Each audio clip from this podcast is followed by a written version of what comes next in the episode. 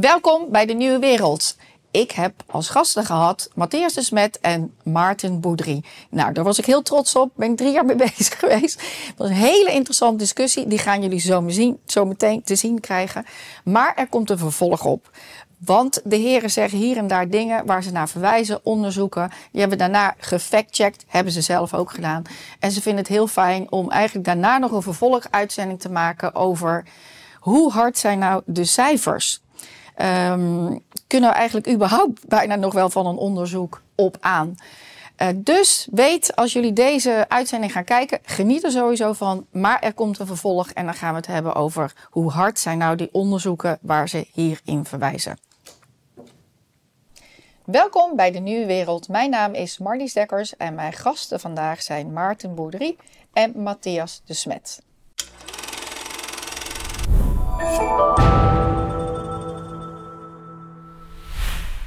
Welkom. Dankjewel. Marlies. Ik vind het een eer om dit gesprek te mogen gaan begeleiden. Insgelijks. Je heeft veel voeten in de aarde gehad. Zeker. Ja. De eerste aanzet was in 2021, denk ja, ik zelfs. Ik, we zijn er dus al zo twee, drie jaar mee bezig. Precies, ja. Eindelijk uh, is er van gekomen. Ja, dat de rust er is, dat bij ieder en ieder. En, en dat we dan dus hier aan tafel kunnen gaan zitten. Uh, Maarten, jij bent uh, wetenschap, filosofie? Ja, aan de en actief twitteraar, x'er moeten we dan volgens mij nu zeggen. Ja, maar x'ers, dat klinkt... Klinkt toch niet, hè? Een beetje vies. het heeft iets, ja. het heeft iets raars. Ja. Een x'er. Uh, Matthias, jij bent hier al regelmatig geweest. Klinisch psycholoog, zeg ik het zo goed? Ja, klopt. En uh, voor degenen die het niet weten, jullie stonden zeg maar in de tijd van corona best wel haaks op mm -hmm. elkaar qua mening. En ik denk dat het mooi is om daar misschien mee af te trappen. We hebben veel dingen te bespreken. We moeten maar een beetje kijken wat lukt. Jij bracht ook in van, hè, dat het ook goed is om te zien dat je met het ene thema tegenover elkaar kan staan. En eigenlijk op een ander thema gewoon weer van gedachten, mhm. dat je dezelfde ideeën erover hebt. Dat dat ook iets goeds is. Absoluut. Uh, de nieuwe wereld doet verdiepende gesprekken. Uh, wij proberen zeg maar altijd daardoor soms toch ook met één persoon en daar de verdieping in te vinden. De kijkers vragen vaak van ja, maar we willen toch ook wel juist mensen die een andere mening hebben en daar willen we ook mhm. iets van leren. Dat valt niet altijd mee om dat hier aan tafel te krijgen. Dus nou, ik denk dat het mooi is met jullie beiden is een beetje terug te kijken naar die tijd en waar staan we nu. Ja, ja, ja ik, vind, ik, denk het ook. Ik denk echt dat het prachtig is dat mensen met een verschillende mening aan tafel zitten. Want dat lukt dus moeilijk. Ja, maar Zowel in de reguliere media als hier. Ja, ja de tv, het was mainstream media, was wel altijd dat format. Ja. Dat is eigenlijk in coronatijd is dat ook eenvormig geworden. Mm. En misschien zijn wij wel als alternatieve media ook wel te eenzijdig, zeg maar. Dus dat mhm. is altijd een gevaar. Dus het is goed om daar je eigen blinde vlekken in te zien. Dus ik ben blij dat we hier zitten. Absoluut. Maar Maarten en ik kenden elkaar ook al voor de coronacrisis. Hè. Mhm. Uh, ik heb het altijd geapprecieerd in, in, in u, Maarten. En dat was binnen de cultuur waar ik zat, uh, de psychoanalytische cultuur, uh, zeker niet evident mm -hmm. om appreciatie voor u uit te drukken. maar ik heb het echt ja. altijd geapprecieerd dat je iemand bent die spreekt, ook als je daarmee een grote groep mensen tegen zich kan krijgen. Ja. Uh, ik heb dat altijd uh, uh, ervaren als een vorm van oprechtheid bij u. En dat was ook de reden waarom ik, misschien niet als enige, maar toch als een van de weinigen in de psychoanalytische wereld, ja. Gewaagd. blij was dat ik u kende. Ja. ja. Ik denk wel dat je de enige was, inderdaad. In ieder geval de enige die mij ooit de hand heeft gereikt om, om de hand, niet, niet om uh, naar elkaar toe te schuiven qua standpunten, maar puur om van, van gedachten te wisselen. Uh, dat was inderdaad uh, in tempore non suspecto, waarschijnlijk 2017, 18. Het was niet zo lang voor de... Ja, denk ik ook. dat Matthias mij voor het eerst heeft gemaild. Ja. En ik kende hem, maar we hebben ooit een polemiek gevoerd, jaren geleden, toen, toen, toen, toen Matthias waarschijnlijk nog postdoc was, over psychoanalyse. Dus ik ken hem van naam, dus in de, in de pagina's van tijdschrift Klinische Psychologie of zo. Um, maar het was eigenlijk de eerste keer dat iemand van, van die vakgroep, waar ik natuurlijk ik, ik kan me wel voorstellen, een beetje persona non grata ben. Want ik, ik ben nogal hard in mijn kritiek op psychoanalyse.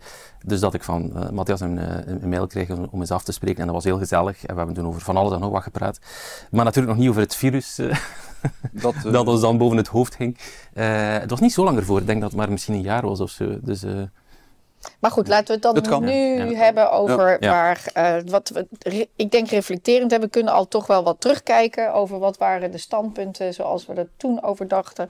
En hoe zien we dat nu? Nou, Matthias is al meer bekend hier, dus ik vind het leuk om met jou, Maarten, af te trappen. Hoe stond jij daarin voor de mensen die jou niet gevolgd hebben hier in Nederland? We hebben ook veel Belgische kijkers, maar toch even misschien om neer te zetten. Hoe zag jij, uh, hoe zag jij tegen de maatregelen, hoe we erop reageerden, de, de voorspellingen van het aantal doden, het vaccin. Nou, het soort het hele pakket, zeg maar, waar we met z'n allen doorheen zijn ja. gegaan. Wel, uh, kort.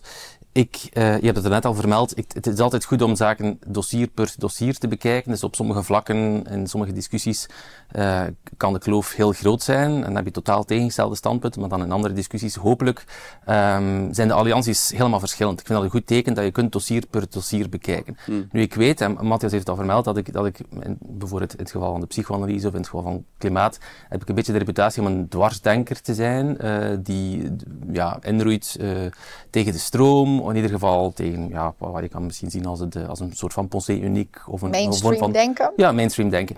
Maar ik probeer uh, ook niet in de val te trappen van dat telkens opnieuw te doen. Om in, in, in elk debat te zeggen, oh wacht, wat zegt de meerderheid? Oké, okay. dan ga ik aan de andere kant gaan staan en precies het tegenovergestelde denken.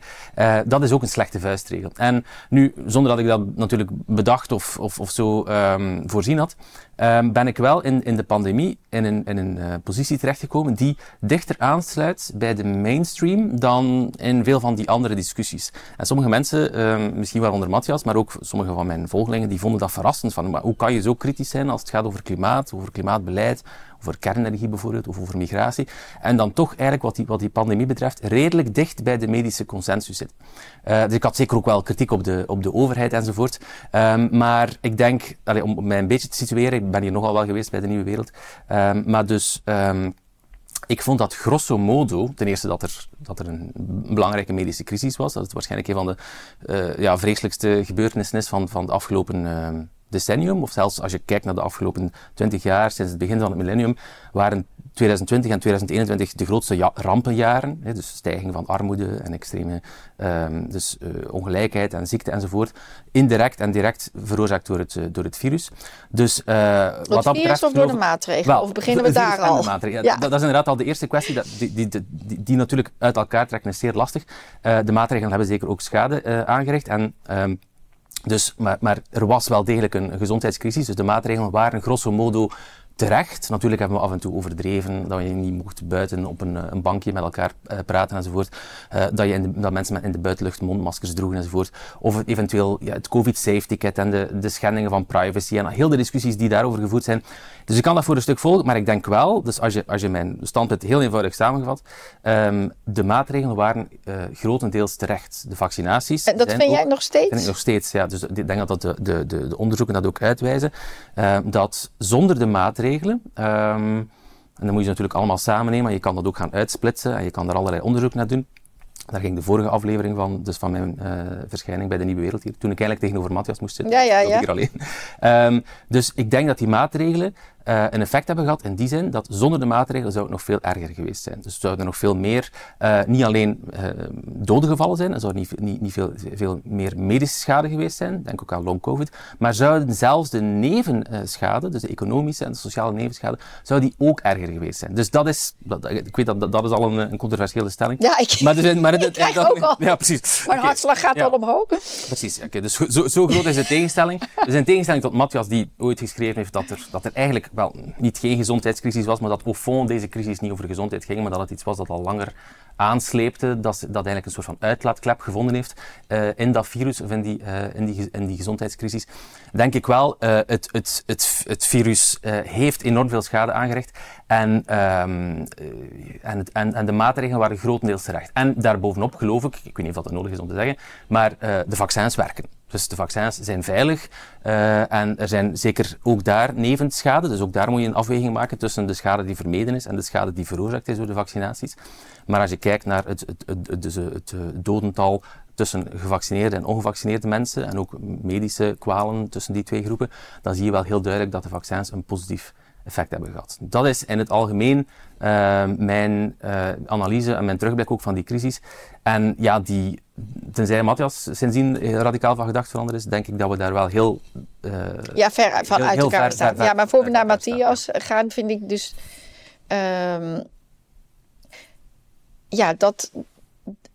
Jij, jij, jij hebt dus voor jouw gevoel dan niet dingen voorbij zien komen van... Waardoor je van op andere gedachten bent, mm. bent gegaan. Dus je hebt dat dagje toen en dat is nog gewoon één rechte lijn van hoe je nu denkt? Wel nee, er zijn zeker wel zaken waarover ik van mening ben veranderd. Uh, maar dan moet je een onderscheid maken tussen de zaken die, die, die we met de achterafblik kunnen beoordelen. Waarvan, waarvan, we nu kunnen zeggen, ja, dat was eigenlijk fout toen of dat was overdreven. En uh, de zaken waarvan dat we toen hadden moeten weten dat het overdreven was. Uh, denk bijvoorbeeld, helemaal in het begin van de pandemie hebben we nog winkelkarretjes ontsmet. Daarvan weten we achteraf, het is totale onzin. Er is niemand besmet via een winkelkar. bijvoorbeeld ook dus die, die mondmaskers die je niet mocht dragen in, in de openbare ruimte, zelfs niet samen op een een bankje in een park gaan zitten enzovoort. Um, de schoolsluitingen enzovoort. Dus er zijn allerlei uh, maatregelen genomen ook, die, waarvan dat we achteraf weten dat die overdreven waren, omdat we in paniek waren uh, en omdat we heel veel zaken tegelijk hebben gedaan, omdat, omdat we op snelheid werden gepakt door dat virus. Dus in die zin natuurlijk ben ik wel van mening veranderd en denk ik bijvoorbeeld, als je de discussie over schoolsluitingen bekijkt, dat um, die grotendeels uh, onnodig waren.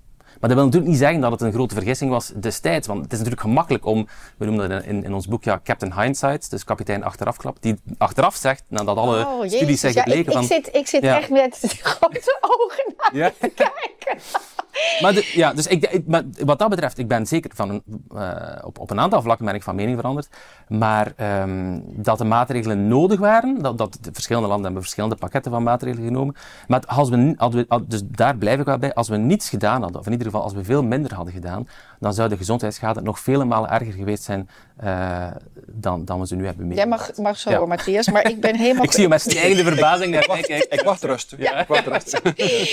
ik moet dit even, even zelf ook helemaal verwerken. Dus uh, is dit dan... Um, jij hebt dan ook... Jij, jij vergeeft het. Jij, jij bent dus ook heel vergevingsgezind. Zo van, ja...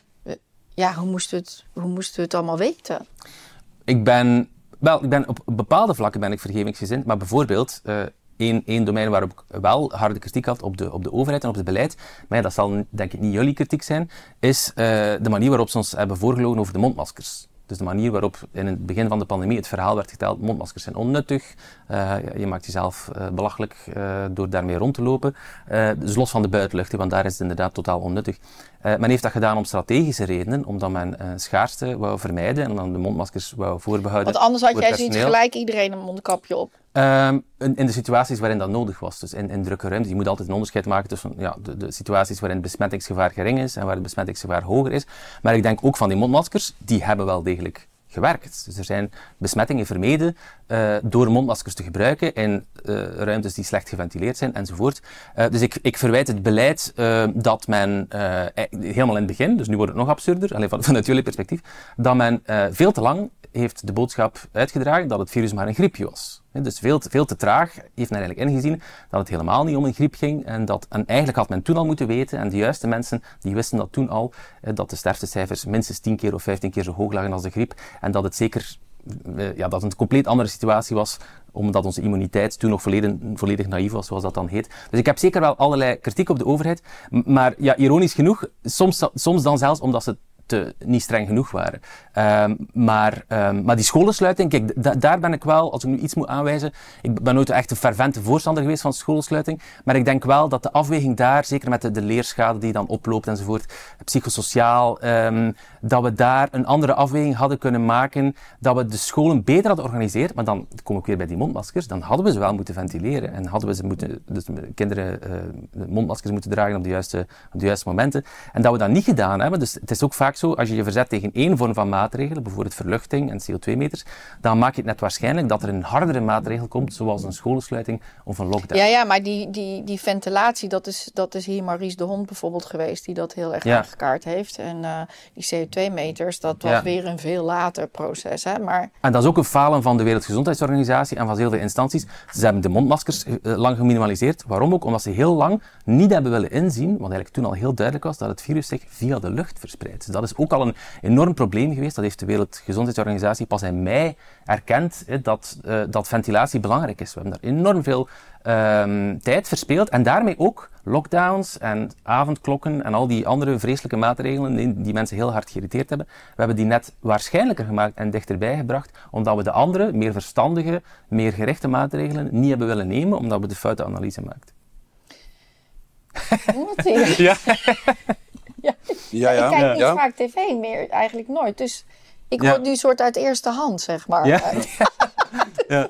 Hoe je ook kan denken. Wel, ik, ik vind het eh, in eerste instantie in psychologisch opzicht eh, interessant hoe eh, twee mensen die ja, allebei toch niet onverstandig zijn, denk ik, eh, een volledig verschillende Ja. gestalte en gedaante kunnen Dat zien in ik- dezelfde situatie. Ja. En inderdaad, ik, ik zag ze van in het begin anders. Ik ben eigenlijk, eh, ik heb mij globaal eh, vooral met eh, psychologische processen bezig gehouden in deze crisis. Maar ik werd daartoe aangezet door een, ja, vanuit een aantal statistische beschouwingen. Die mij onmiddellijk een ander perspectief deden, innemen dan, dan Maarten. Dus ik heb in de eerste, ja, ik denk de eerste week of de eerste twee weken van de crisis een, een, mijn eerste opiniestuk gepubliceerd over de coronacrisis. En eh, ik had daar eh, in de derde paragraaf, ik heb het vandaag nog eh, nagekeken, neergeschreven dat de mortaliteit van het virus, die toen op 4% geschat werd, naar alle waarschijnlijkheid tien keer te hoog werd ingeschat. Ja, door de En- modellen van Ver... Ja, Imperial College, Ferguson onder andere. En eigenlijk, ik, ik dacht, ja, ik denk tegen eind mei 2020, ik heb dat voorbeeld vaak gegeven, was het volgens mij ook wel eigenlijk, kwam er veel evidentie die in die richting wees. Hè. Dus eind mei tegen de modellen van eh, Imperial College voorspelden dat er tegen eind mei 2020 eh, in een klein land als Zweden 60.000 doden zouden vallen, minimaal, als het land niet in lockdown ging. En tegen eind mei 2020 vielen er in Zweden 6.000 doden. Inderdaad, tien keer minder. Hè. En ehm, ja, die misrekening in het begin die was evident eigenlijk. Men eh, deelde gewoon het aantal sterfgevallen per aantal ziektegevallen, maar er was maar een fractie van de ziektegevallen bekend. Dus, en eh, tot mijn verbazing toen eh, werd het verhaal niet bijgestuurd. Hè? Dus, dus het, het, het, het verhaal was gebaseerd op de modellen, maar het verhaal werd niet bijgestuurd toen de observaties, volgens mij, veel aanleiding gaven om de modellen onjuist te verklaren. Dat was, dat was het eerste. Toen ben ik echt bijna nadenken over welk psychologisch proces kan dit verklaren.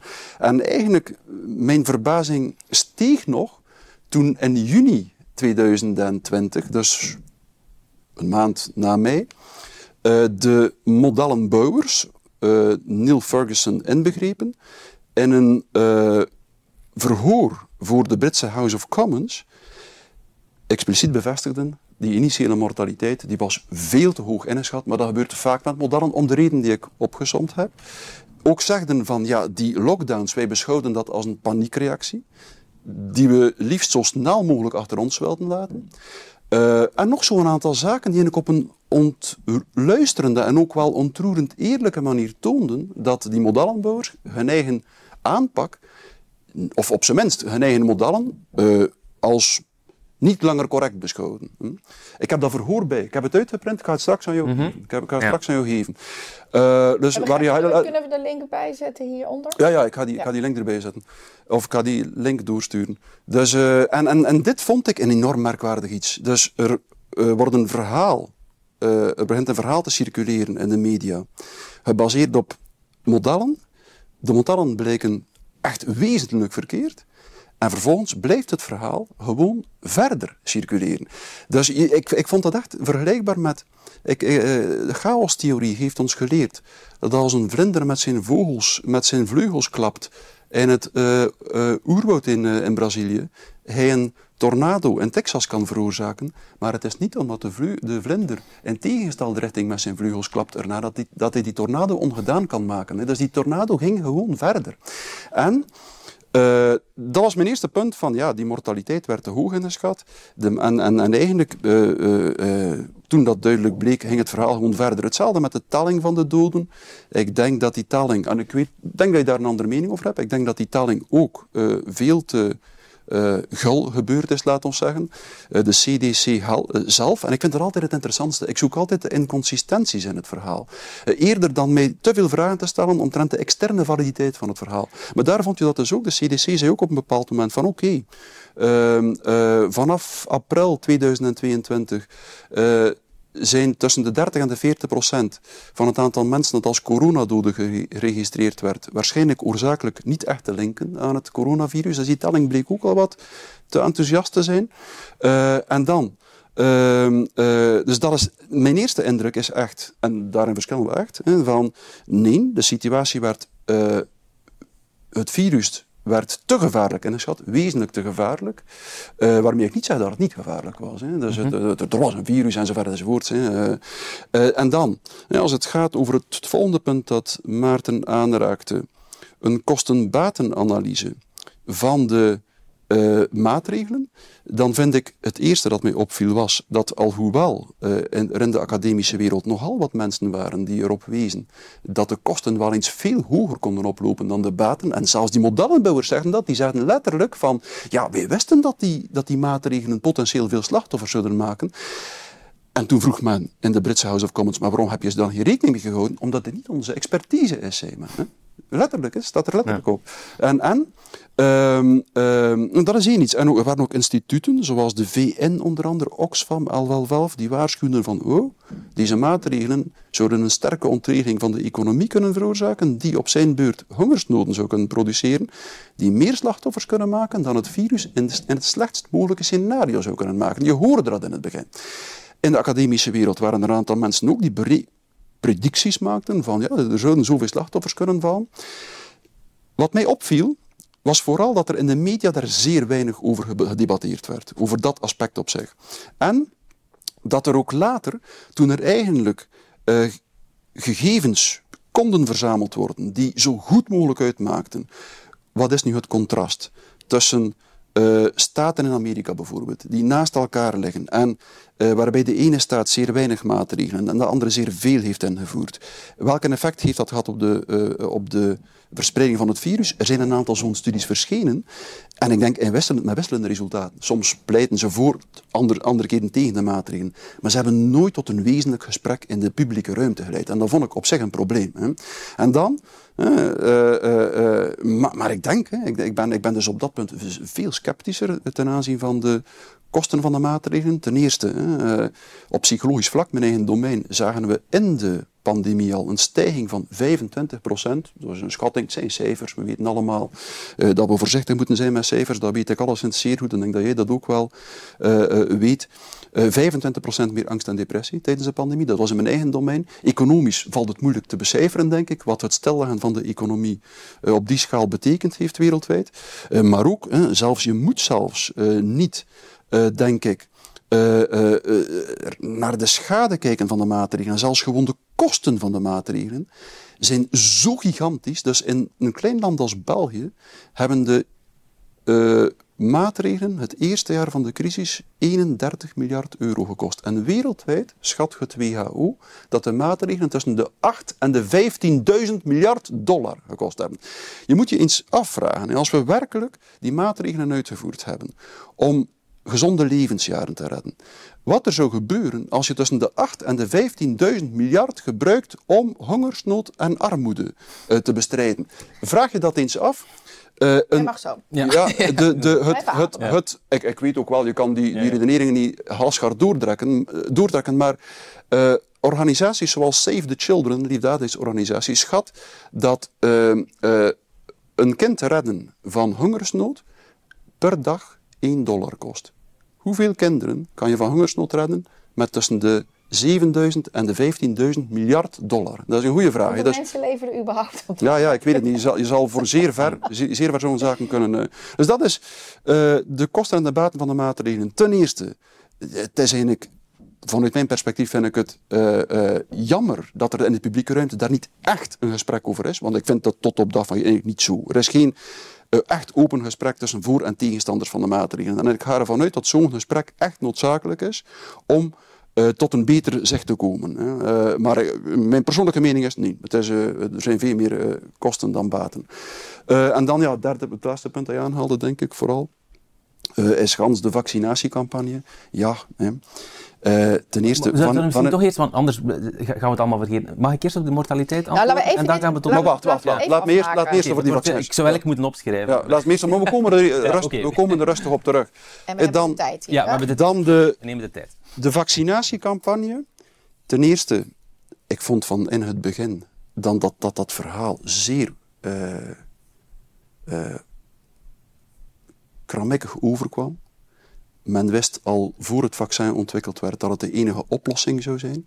Terwijl men wist dat een zo snel muterend virus zeer moeilijk bestrijdbaar is met een vaccin, wat later zelfs door de proponenten ervan ook toegegeven werd. Men beweert dat het vaccin zeker safe en effectief zal zijn, dat het geen wezenlijke bijwerkingen gaat hebben, maar men beschermt zich op alle mogelijke manieren tegen juridische aansprakelijkheid voor bijwerkingen. Eh, Europa weigert tot op de dag van vandaag pertinent om de contracten met Pfizer openbaar te maken. Eh, dat zijn zo van die zaken waarvan ik zeg, ja, dat, dat verhaal begint vreemd. hè. Dan claimt men een zeer onwaarschijnlijk iets, dat het vaccin de verspreiding van eh, het virus gaat tegenhouden. Dat is ondertussen, denk ik, ik vermoed dat Maarten dat ook wel zou bevestigen, eh, volledig achterhaald. hè. Ik heb onder andere, uit, ja, eh, het is een quasi algemeen, ik denk dat zelfs, zelfs mensen als eh, Bill Gates en Fauci geven het ondertussen toe dat dat niet klopt. Ik heb ook een zelf een steekproef van 4000 mensen verzameld die een positieve coronatest aflegden. 60 waren niet gevaccineerd. Veel minder dan je zou verwachten op basis van de populatieverdeling gevaccineerd, niet gevaccineerd. Eh, Dus dat zijn zo van die zaken waarvan ik zeg van ja, dat verhaal, dat, dat hangt toch echt met haken en ogen aan elkaar. En vervolgens, en daar ben ik echt benieuwd Maarten, naar wat je daarop gaat zeggen. En echt, voel je vrij. Maar ik heb daarna, daarnet, eh, nog even een overzicht van een heel eh, weinig betrouwbaar persoon volgens jou, denk ik, erop nagekeken, Robert Kennedy, eh, die in zijn boek een overzicht heeft van het verloop van de besmettingen, de ziekenhuisopnames en het aantal doden. In het boek over fout. Ja, eh ja de Ruud Anthony Fauci. En ik zag daar een, een aantal bladzijden die tonen hoe eh, het aantal besmettingen en ziekenhuisopnames in de meeste landen steeg na de vaccinatiecampagnes. En hij geeft onder andere het voorbeeld van Gibraltar, een populatie van 33.000. Ehm, ehm, ongeveer 33.000 eh, inwoners, waarbij de vaccinatiegraad, Maarten, 100% is. Hè? 100%. Iedereen was gevaccineerd in Gibraltar. Dat is de hoogste percenta- eh, vaccinatiegraad. En zelfs alle inkomende Spaanse toeristen moesten ook gevaccineerd zijn. En in het eerste jaar van de crisis, dus voor de vaccinatie, waren daar duizend ziektegevallen bekend, coronaziektegevallen. En twee coronadoden, dacht ik. Ik dacht dat er er twee waren. In het jaar na de vaccinatie, na de 100% vaccinatie, steeg het aantal ziektegevallen naar 5000 en vielen er 19 keer zoveel doden. Hè? Wacht. Hm? Dus je kan nu nog altijd zeggen, ja, dat is Kennedy. Die data komen althans uit, de, nationale databases, uit internationale databases. Dus, maar goed, je zou altijd kunnen zeggen, ja, eh, dat staat er in een boek van Kennedy, die antivaxer en complotdenker, wat is dat waard? Ja, maar hij zegt altijd wel, eh, klaag me aan. Hè? Ja, ja, Eh, inderdaad. Hij daagt niet maar uit van, het gaat me zelfs nog daar niet over. Maar waar ik benieuwd in ben, Maarten, is het volgende. En dat vind ik een zeer interessant iets. Los van de vraag of we die gegevens van Kennedy nu al dan niet vertrouwen, maar vraag ik mij af, mochten die data kloppen, zou jij dan je vertrouwen in het vaccin verliezen of niet? Dat vraag ik mij af. Natuurlijk. Natuurlijk. Dus je zegt, ze kloppen niet. Voorwaardelijk. Natuurlijk kloppen ze niet. Ik bedoel, eh, Je zegt dus dat die data van Gibraltar niet kloppen. wel, als, je, de- als, als de vraag is, eh, klopt het? Dus als het zou kloppen dat er geen verschil is in mortaliteit, dat is eigenlijk de, de vraag die... Ze was ons 19 keer hoger. Ja, maar wacht, wacht. Dus voorwaardelijk, als het klopt dat er geen verschil is tussen mortaliteit, het voorbeeld dat je aanhaalt toont dat niet aan, maar ehm, dat er geen verschil is in mortaliteit tussen dus een gevaccineerde en een ongevaccineerde groep waar de besmettingsgraad even, even, even hoog is en die in andere, uh, alle andere opzichten vergelijkbaar zijn, mocht dat zo zijn inderdaad, ja, dan valt het hele vaccinatieverhaal in duigen, uiteraard. Maar ik heb hier ook, ik heb die grafiek, maar ik kan ze niet tonen, dus de verschillen in vaccinatiegraad, de, waarbij de twee groepen, de ongevaccineerde en de gevaccineerde mensen, met elkaar worden vergeleken in de Verenigde Staten. En je ziet dat ook heel duidelijk, omdat het vaak om republikeinen versus democraten gaat. Helaas is vaccinatie een tribaal gegeven geworden, waarmee je politieke kleur bekent, je bent voor je bent tegen een enorm verschil. Dus de, de, mortaliteit ligt tien keer zo hoog, plots bij de Republikeinen, terwijl de daarvoor, voor de vaccinatie, lag die mortaliteit ongeveer gelijk, hè, want er waren geen vaccins en er was niemand gevaccineerd. En dan plots, nadat er dan een tribale kwestie van gemaakt is, zie je dus een enorme kloof tussen die beide groepen. Maar goed. Die link, die, die als je die hebt... Die, die... Ik, ik, kan hem hier, ik kan hem hier, ik, ik kan de grafiek... Nee, nee, ik doe die link erbij. dus als je die naar mij stuurt, dan zorg ik dat die link erbij komt. ik ga even helemaal terug naar de, de mortaliteit uh, van het virus zelf. Dus niet van de, uh, van de vaccinatie, want dat is natuurlijk eigenlijk waar het, waar het echt om, om draait en waar ook de hele discussie over de maatregelen van afhangt. Als het zo is dat het virus zelf niet zo gevaarlijk is, dan zijn al die maatregelen, waarvan ik de eerste ben om te erkennen dat ze zelf schadelijk zijn, de maatregelen hebben ontzettend veel schade aangericht. Dus dat op zich betwist ik niet dus die stijging aan, aan in, in, in, extreme armoede en dus ook andere infectieziekten in arme landen, bedoel, die is aantoonbaar. Je kan een discussie gaan voeren over hoeveel daarvan komt van de maatregelen, hoeveel van het virus, maar dat er enorme schade door de maatregelen is, dat is ontegensprekelijk. Natuurlijk, waar alles mee staat of valt, is hoe schadelijk het virus zelf is. Dus als je wil weten of de remedie erger is dan de kwaal, moet je eerst kunnen inschatten hoe erg is die kwaal. En mijn analyse wat dat betreft, en ook de, de geschiedenis van hoe het tot onze standpunten is gekomen, is wat dat betreft het complete spiegelbeeld van wat dan Matthias heeft verteld.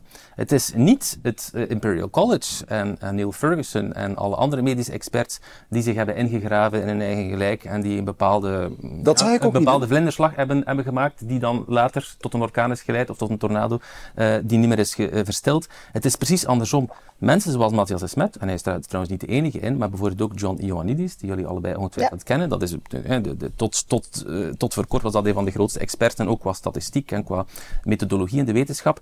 Ook mensen als Luc Bonneux en, en, en allerlei sceptici hebben van, begin, uh, van bij het begin van de crisis eigenlijk een vergissing begaan, waarvan sommigen die achteraf hebben rechtgezet en anderen niet. Ik ben welke, welke vergissing? Namelijk de volgende. Uh, ik heb ze al vermeld in, in de context van uh, de, de, de, de, overheid, dat was hij vertelde, dus in de vroege fase van de, van de, van de pandemie. De, het, het, de, de, de, het, het wensdenken dat bestond in februari en in maart 2020, uh, dus uh, in de eerste golf van, uh, van COVID, um, namelijk dat het coronavirus ofwel even erg is als een seizoensgriep of misschien zelfs iets minder erg. Matthias heeft dat verdedigd in februari 2020, Luc Bonneux heeft dat gedaan, John Ioannidis heeft dat gedaan. John Ioannidis heeft dan zelf ook projecties gemaakt van het worst case scenario op basis van zijn inschatting van de mhm. infection fatality rate, dus hoeveel mensen er doodgaan per besmetting. En hij zegt, gaat ervan uit op een bierveeltje, stel dat de hele Amerikaanse bevolking besmet raakt, dan vallen er hoogstens een paar duizend of tienduizend doden. Het zijn er een half miljoen of zelfs een miljoen, ik moet het nu opzoeken, in de Verenigde Staten. Dus minstens honderd keer of honderden keren meer dan het worst case scenario dat John Ioannidis voorspeld had. Ondertussen weten we, maar dat wisten we toen niet, en in die zin kan je de vergissing van, van Matthias en van veel anderen ook begrijpen. Um, ondertussen weten we dat het coronavirus minstens 10 tot 12 tot 15 tot 20 keer zo, zo dodelijk is als de seizoensgriep. En de seizoensgriep is ook geen lievertje. Hè, dat weten. Er zijn 500.000 mensen per jaar die doodgaan aan de griep. Dus de griep, mensen spreken soms van een griepje met een soort van verkleinwoordje, maar de griep is helemaal geen, eh, geen griepje. Het grote verschil bovenop de griep is natuurlijk dat we toen helemaal geen vaccins hadden en dat niemand, dus het immuunsysteem van geen enkele persoon, enige ervaring had met dat virus, dus dat we compleet werden overrompeld. Waar Matthias over spreekt, en, en dat, dat, verwijt ik je wel, Matthias, uh, je verbeeldt je soms dat je de enige bent die bijvoorbeeld het verschil kent tussen een case fatality rate en een infection fatality rate. Dus die 3% waar je over sprak, dat was inderdaad de vroege inschattingen van de case fatality rate. Dus het is het aantal uh, doden dat je krijgt per gekende gevallen niet uh, uh, het aantal doden per infecties, want men wist het aantal infecties niet. De vroegste schattingen daarvan, dat weet je ook, die waren gebaseerd op de Princess Diamond, dus dat cruiseschip waar bijna iedereen besmet raakte en waar veel mensen gestorven zijn. En dan hebben ze natuurlijk een beetje die leeftijdspyramide uh, moeten corrigeren, want er waren vooral oudere mensen. En op basis daarvan zijn de eerste schattingen gemaakt over de case fatality rate. Elke epidemioloog, elke arts, elke iemand die eh, de, de geringste notie heeft van gezondheid, die weet natuurlijk dat er een verschil is tussen een case fatality rate en een infection fatality rate. Iedereen wist dat de infection fatality rate dat die geen 3% zou bedragen. Dat, dat, dat, dat, staat buiten kijf. Dus het is niet uh, de medische ex experts die zich daarover vergist hebben. Het zijn mensen zoals Matthias en trouwens ook je collega Wouter Duik. En dan moet ik Wouter wel herkennen. Wouter Duik uh, heeft in het begin van de pandemie ook de boodschap verkondigd uh, de angst is erger dan, uh, dan het virus. Of de angst is gevaarlijker dan het virus. Het gaat maar om, om een seizoensgriep.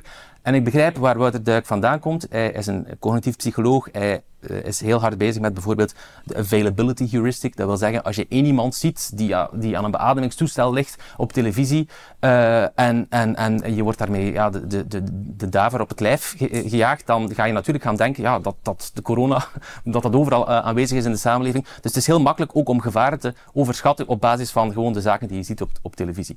Wouter heeft zich daarin herpakt. Dus na een maand of twee was het, waren de bewijzen zo overweldigend dat in elk land ter wereld, ten eerste dat er overal maatregelen werden genomen en dat ondanks die maatregelen, dat de mortaliteit zo'n hoge piek nam die totaal niet vergelijkbaar was met die van seizoensgriep, heeft iedereen, behalve Matthias en een aantal andere mensen, heeft erkend van, ja, spijtig genoeg is dit geen seizoensgriep, is het veel erger dan de seizoensgriep.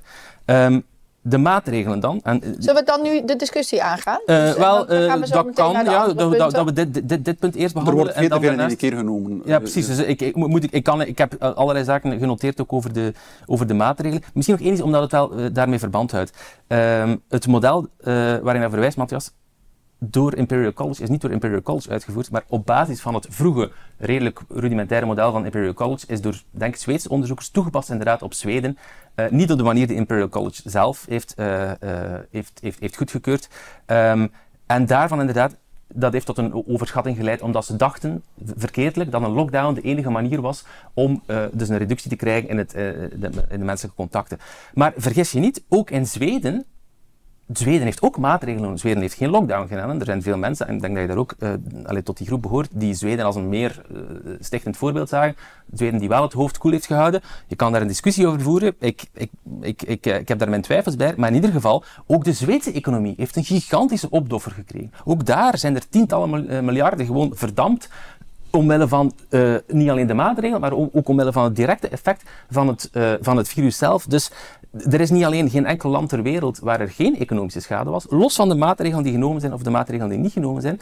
Het is ook zo dat er geen enkel denkbaar scenario was vanaf februari 2020, waarin we de vreselijke schade die je hebt opgesomd, dus de, de biljoenen inderdaad die verdampt zijn in de wereldeconomie, die hebben geleid tot extreme armoede elders ter wereld. Er is geen enkel scenario waarbij we dat hadden kunnen vermijden. In het beste geval hadden we dat een beetje kunnen verzachten als we wat verstandiger hadden geweest, als we sneller hadden ingegrepen enzovoort. Daar kunnen we een hele discussie over voeren. Maar het is compleet wensdenken om je te verbeelden dat, uh, dat we de hele ramp hadden kunnen vermijden als we, maar, als we die maatregelen niet hadden genomen. Het virus zelf schaadt de economie. Economen hebben dat onderzocht, dus wat je daarnet zegt klopt ook niet, dat daar geen expertise over bestaat. Die bestaat wel.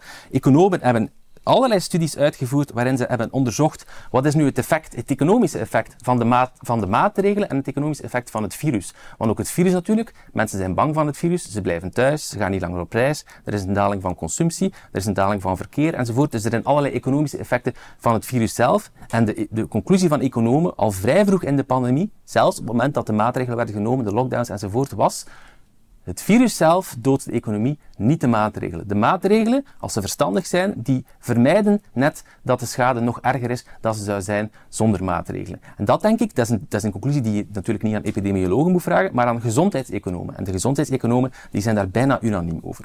De vaccinatie, daar komen we straks. Ik zal je nu uh, de mogelijkheid geven om daarop te antwoorden. Ja. ja, uh, ik weet niet goed waar ik moet beginnen, eerlijk gezegd. dat dacht ik daarnet ook. Dus, uh, ja, moet jij ook een papiertje? nee, nee, nee. nee, nee. Ik, ik, ik, schrijf nooit iets op en ik bereid ook lezingen uh, niet voor. Ja, ja. maar um, ja, um, je kan natuurlijk alles herleiden naar het virus. Hè. Als je de schade die de maatregelen aanrichten ook naar het virus herleidt, dat, dat doet mij een beetje denken aan de grap van de man die een boek over chaos-theorie gelezen had en die verhoed alle vlinders in zijn tuin begon, uh, begon dood te slaan. En toen zijn verbouwereerde uh, buur zei, waarom sla je die vlinders dood? Zei, je weet hij zeker niet waar die beesten kunnen aanrechten. hij, hij herleidde alles in de wereld tot die vlinders en zo herleidt jij alles tot het virus. Ik denk dat dat een... Ik denk dat om je stelt iets als een bewezen feit dat nog moet bewezen worden. En dat is namelijk dat het virus effectief zonder maatregelen meer schade zou aanrichten. Daarvoor moet je opnieuw die vergelijking maken tussen landen die veel maatregelen genomen hebben, landen die weinig maatregelen genomen hebben. Die vergelijking is gemaakt. Maar nee, wacht, wacht. Nee, economen doen. Nee, Maarten, die vergelijking is gemaakt uh, uh, door bepaalde mensen en sommigen vinden resultaten helemaal in de ene richting, andere resultaten mhm. helemaal in de andere richting. Dus ook daar missen we een ordentelijk, vrij gesprek in de publieke ruimte tussen mensen met een verschillende mening. En dat hebben we volgens mij echt nodig om daar tot een echt gedragen inzicht van te komen. Ik zou, ik zou, nog op een aantal punten kunnen reageren. Ik herinner me een paar. Je zei daarnet uh, dat ik zeg dat de mensen van Imperial College uh, dus uh, zich blijven ingraven in hun eigen grote gelijk. Ik heb net het omgekeerde gezegd. Net niet. Zij hebben toegegeven dat de initiële mortaliteit veel te hoog werd ingeschat. Enzovoort enzovoort. En het vreemde was dat de media dat niet opgepikt hebben. En daar komen we uit, dat is inderdaad een zeer vreemd gegeven. Dus eerst wordt er aan bepaalde mensen een, bij, een bijna bovenmenselijke autoriteit toegekend. Uh, er worden enorme set maatregelen gebaseerd op hun uitspraken. En als diezelfde mensen er vervolgens zeggen, ja, de mortaliteit was eigenlijk veel te hoog, dan zijn die mensen die vroeger een bijna bovenmenselijke mortaliteit hebben, plots blijkbaar uh, veel minder relevant geworden. Dus, en daar begon eigenlijk mijn deel van het werk, wat ik als mijn expertise zie. Want ik zie het niet als mijn expertise eigenlijk om hier te gaan becijferen hoeveel schade er door de lockdowns gevallen is. En ook niet hoe safe en effectief de, vaccin, safe en effectief de vaccins al dan niet waren. Ik zie het als mijn expertise om de psychologische processen te gaan bestuderen. En dat interesseert mij. Hoe kan het dat de mening van uh, de experts uh, um, de ene keer een enorme invloed heeft, een verhaal in werking zet, dat blijkbaar onomkeerbaar is. Ja, mijn uitleg was, dat verhaal heeft ondertussen een symptomatische functie gekregen in de maatschappij. Een symptomatische functie, het, is, het heeft tot een nieuwe sociale band geleid, heeft mensen uit hun eenzaamheid bevrijd, de uitleg die ik al veel gedaan heb. Op affectief vlak de angst. het is een afvoerkanaal voor frustratie en agressie en daarom laat men hen niet meer los. Ook als het op veel punten, nogthans, zelfs volgens de auteurs van het verhaal niet meer juist is. Hm? Ik zou even, je kan zo door met je reactie, maar wat, waar ik heel benieuwd naar ben mhm. ook um, het aantal doden. Dus mhm. terugkijkend wordt er toch ook wel gezegd, ja, hoe, hoe zijn we die doden nou gaan meten? Is dat met ja. corona of had diegene al vier onderliggende ziektes? Mhm. En uh, zou die sowieso gestorven zijn? Hè? Dus is het door corona of is iemand met nog heel veel andere, door andere oorzaken. Iemand die op sterven ligt met kanker, zeg maar, maar die krijgt op het laatste moment nog, nog corona. Ja. Werd toch gemeten als een coronadode. En daar zijn, uh, daarom is het natuurlijk ook zo'n diffuus gebied. Wie heeft hier nou gelijk? Of hoe moeten we hier nou op terugkijken? Ja. Omdat zeg maar ook hè, wat we hier nu zeggen van, ja, wat zijn nou de manieren? Jij zegt wel, ja, we moeten een open openbaar gesprek. Maar dan nog, wat neem je als uitgangspunt als de waarheid? Want die is zo flexibel. Je kan het op zo'n veel manieren Ja, ja maar je, je, je komt, je komt wel nader hoor. ja, doe maar. Uh, dus omdat enfin, de, de, de, de vraag was naar mij gericht. Dus heel kort. Uh, inderdaad, die cijfers uh, over het aantal doden, die zijn voor interpretatie vatbaar. Mm, dat, denk ik dat, dat, is geen, dat is geen objectieve waarheid. Maar opnieuw, het is niet alsof we deze situatie pas kennen sinds 2020. Um, ehm, de, het onderscheid tussen met iets sterven en aan iets sterven is iets dat al eeuwen bestaat in de geneeskunde. Ook denk aan prostaatkanker of zo. Veel meer mannen die met prostaatkanker sterven dan aan prostaatkanker. De 500.000 griepdoden die ik daarnet heb vermeld, dat is ook een cijfer dat betwist wordt. De ene zegt het is een onderschatting, de andere zegt het is een hmm. overschatting. Want je moet voor elk individueel geval, iemand een 80 of 90-jarige bijvoorbeeld, die een griepinfectie krijgt en die sterft, ja, zou die niet gestorven zijn zonder griepinfectie? Of dat het misschien nog een aantal weken of maanden langer geduurd? Dus in welke mate moet je dat gaan afwegen wanneer het lichaam zo verzwakt is enzovoort? Nu, Um, alle cijfers wijzen erop, dus wat die interpretatievrijheid betreft, denk ik, zijn we het op zich in, in, in, principe eens. Maar alle cijfers wijzen erop uh, dat de officiële geregistreerde coronadoden, zeker wereldwijd, dat dat een enorme onderschatting is van de werkelijke tol van corona. Dus bijvoorbeeld, ik heb de cijfers net nog opgezocht. Het officiële aantal coronadoden wereldwijd uh, is iets van 8, 8 miljoen. Maar de Economist, hè, dat, en die zijn, dat zijn echte cijferaars en die, hebben dat, die maken daar updates van ongeveer elke maand. Van dus hun schatting van de werkelijke dodentol van corona, uh, dus sinds 2020. Zij schatten dat er 23 miljoen doden gevallen zijn door corona. Denk alleen maar aan een land als India. Er is, ik ben nu vergeten wanneer het precies was, maar er is een bepaald moment, denk ik, de, de tweede golf, dus een enorme golf geweest in India, van mensen die ja, gestikt zijn omdat er te weinig zuurstof was. Is een, ja, een overrompelende coronagolf. De overgrote meerderheid daarvan is nooit geregistreerd als coronadoden. Ja, die zijn gewoon in massagraven terechtgekomen enzovoort. Dat is nooit, nooit zijn die, hebben ze die als een dokter gezien of wat dan ook. Dus op daarop zijn die schattingen gebaseerd. De, dus de onderschatting van coronadoden is natuurlijk veel erger in arme landen waar er gewoon veel minder medische instanties zijn. Ik dacht dat, dat juist net zoals in Afrika en zo was het juist helemaal niet zo aan de hand. Uh, en vooral in India, dus in Afrika, dus, da, daar moet je ook land per land gaan bekijken. En daar, uh, da, daar ken ik nu niet de precieze schattingen van, maar ik weet in ieder geval, dus de, de, een van de redenen waarom het, de, de schatting van het aantal doden zoveel hoger ligt dan de, de officiële doden is uh, India. Ja, dat is een miljard mensen en daar is een enorme golf geweest, waar denk ik alleen al in Indië, weet ik veel, 10, 10 miljoen mensen zijn gestorven of zo aan, aan, aan corona. Maar daarom zijn we op een gegeven moment gaan kijken, ja, maar ja. Zo, daarom zijn we op een gegeven moment natuurlijk gaan kijken naar die absolute oversterfte. Omdat ja. het zo'n. Ja. Uh, van precies wat jij zegt. Ja, deden we dat misschien ook al niet ja. bij prostaatkanker? Deden we dat misschien mm -hmm. wel ook al niet bij uh, nou ja, allerlei andere soorten ziektes? Hè, bij de griep en zo. En dan kom je volgens mij toch ook uit van. Nou, waren er dan wel echt van die pieks op dat moment. Maar Matthias, jij. Ja, wel, ik ben al blij, Maarten, dus eigenlijk dat we het erover eens zijn dat de cijfers relatief zijn. En dat je kan dat ja. zowel logisch als empirisch -hmm. aantonen. Logisch, sterven is een multidimensioneel fenomeen en multidimensionele fenomenen, je sterft altijd aan meerdere zaken tegelijk, kan je nooit echt objectief in cijfers uitdrukken. Nu, Jij, jij, ik, ik, denk dat het een overschatting is, de 7 miljoen doden, uh, en, en, jij denkt dat het een serieuze onderschatting is. Mm -hmm. Je baseert je op weinig evidentie, denk ik. Het is een studie uit The Economist, één studie.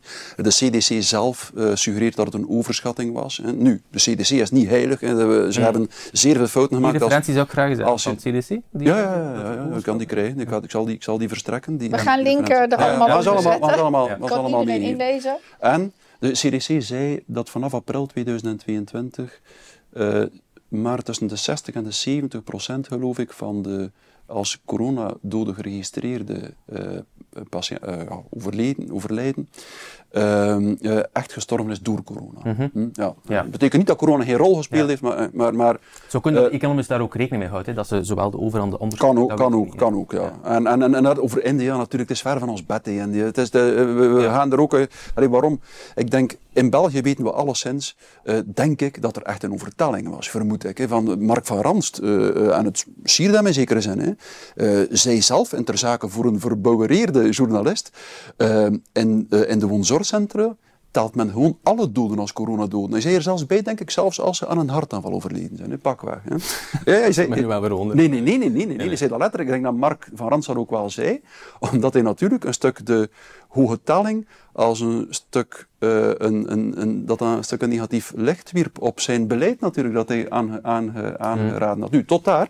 Persoonlijk, dat is puur anekdotisch, weinig waarde. Ik ken één iemand die tijdens de... Eh, eerste golf als coronadood overleden is. En die man was uh, terminaal ziek aan kanker. Uh, al, al weken, maanden denk ik. Dus, dus uh, plots ja, is hij dan aan, aan, aan corona ja. overleden. Nee, maar het is anekdotisch evidentie. En eigenlijk ook daarover je zouden moeten samen. Kijk, laten we onze cijfers samen een keer bekijken. Ik zei, alles op tafel en dan zeggen we goed, wat is de waarde van de verschillende cijfers? Nou ja, dat zeg ik. Dus als je zo'n openbaar ja. gesprek met elkaar aangaat, wat denk ik echt heel belangrijk is. Ja. Ja, dan moet je toch ook al eerst een, een soort understanding hebben. Want je ziet hier nu ook gelijk gebeuren van ja, maar het is een jij, begin. Jij noemt, ja. uh, jij haalt cijfers het is een begin. aan, jij haalt het, het is een, aan. Maar, maar, het maar is een begin. Blijf je dan En- altijd bij, bij de stelling, dus in het begin van de, van de pandemie, denk ik, ik, ik ken de exacte frase niet, maar je hebt de, de, de, de, het, uh, het coronavirus toen vergeleken met de griep of de seizoensgriep, of dat je gezegd hebt een milde seizoensgriep, dat weet ik nog niet meer. Um, we kunnen Nee, nee, inderdaad... ik, ik heb dat nooit gedaan. Ik heb dat nooit gedaan dus. En, en ik, ik zeg niet, nee.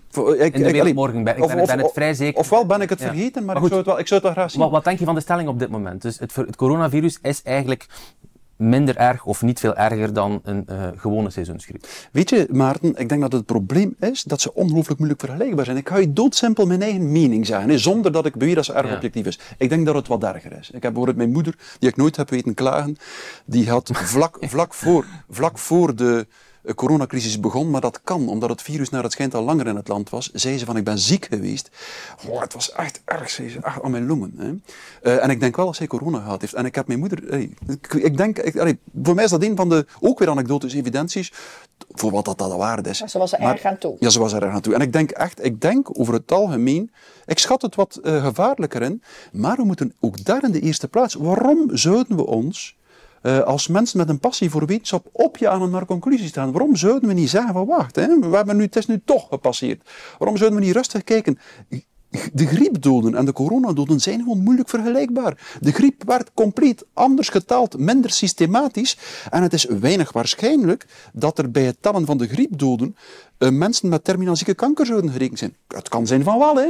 Ik ga het niet zeggen, het kan zijn van wel, maar, maar, maar ik bedoel gewoon, het is een klein beetje appelen met peren vergelijken. Als we cijfers over een andere methode bedoel jij Het, het, was veel minder methodisch en het was een andere taalmethode. En plus, wat men ook nooit gedaan heeft, dat is uh, uh, de cijfers van griepdoden over verschillende jaren heen opgeteld. Nu blijft men die coronadoden optellen. Ja, natuurlijk krijg je een zeer hoog cijfer. Ja, maar ja, ja? Bedoel, per, per, jaar, en, en daarom uh, sleur ik de griep erbij, omdat de situatie daar methodologisch en puur uh, ja, uh, epistemologisch heel vergelijkbaar is. Dus wat, wat, wat je daarnet beschrijft, um, is iemand die terminale kanker heeft en die dan nog een, een infectie daarbovenop krijgt van corona en doodgaat, sterft hij dan aan corona? Moet hij dan geregistreerd worden? Van kijk, plus één dode. Maar exact dezelfde discussie heb je over de griep. Wanneer er een griepgolf is in het land en er zijn zoveel honderden doden per week of zo, dan gaat dat ook vooral ja. om mensen in een bejaardentehuis die al sterk verzwakt zijn. En dan kan je de vraag stellen, zijn die wel erg aan de griep gestorven enzovoort.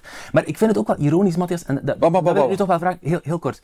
Dus als ik met cijfers van de Economist kom, en er zijn 8 miljoen doden gevallen en 23 miljoen doden die geschat worden, en met, en met cijfers van de VN, en met uh, wetenschappelijke instellingen, dan maakt dat weinig indruk op, op jou. Maar als je eigen moeder toevallig een ervaring heeft gehad die iets erger was dan een gewone griep, dan leid je daar dan wel uit af. Ah, blijkbaar zal corona erger geweest zijn dan de griep. Dat wil dus ook zeggen dat als je moeder het geluk had gehad, dat ze een milde variant had gehad, dat je hier had gezeten en gezegd, Oh nee, dan zou andere dingen zijn. Ik heb het, ook, ik heb het er ook direct bij gezet. Ik heb het er ook direct bij gezet, Maarten. Het is anekdotische evidentie voor wat, ze, voor wat ze waren. Dus maar, ik bedoel maar, er waren, er waren ook in mijn directe omgeving tekenen van, ik zei van ja, uh, dat, dat, uh, dat, uh, dat is toch iets om niet mee te lachen.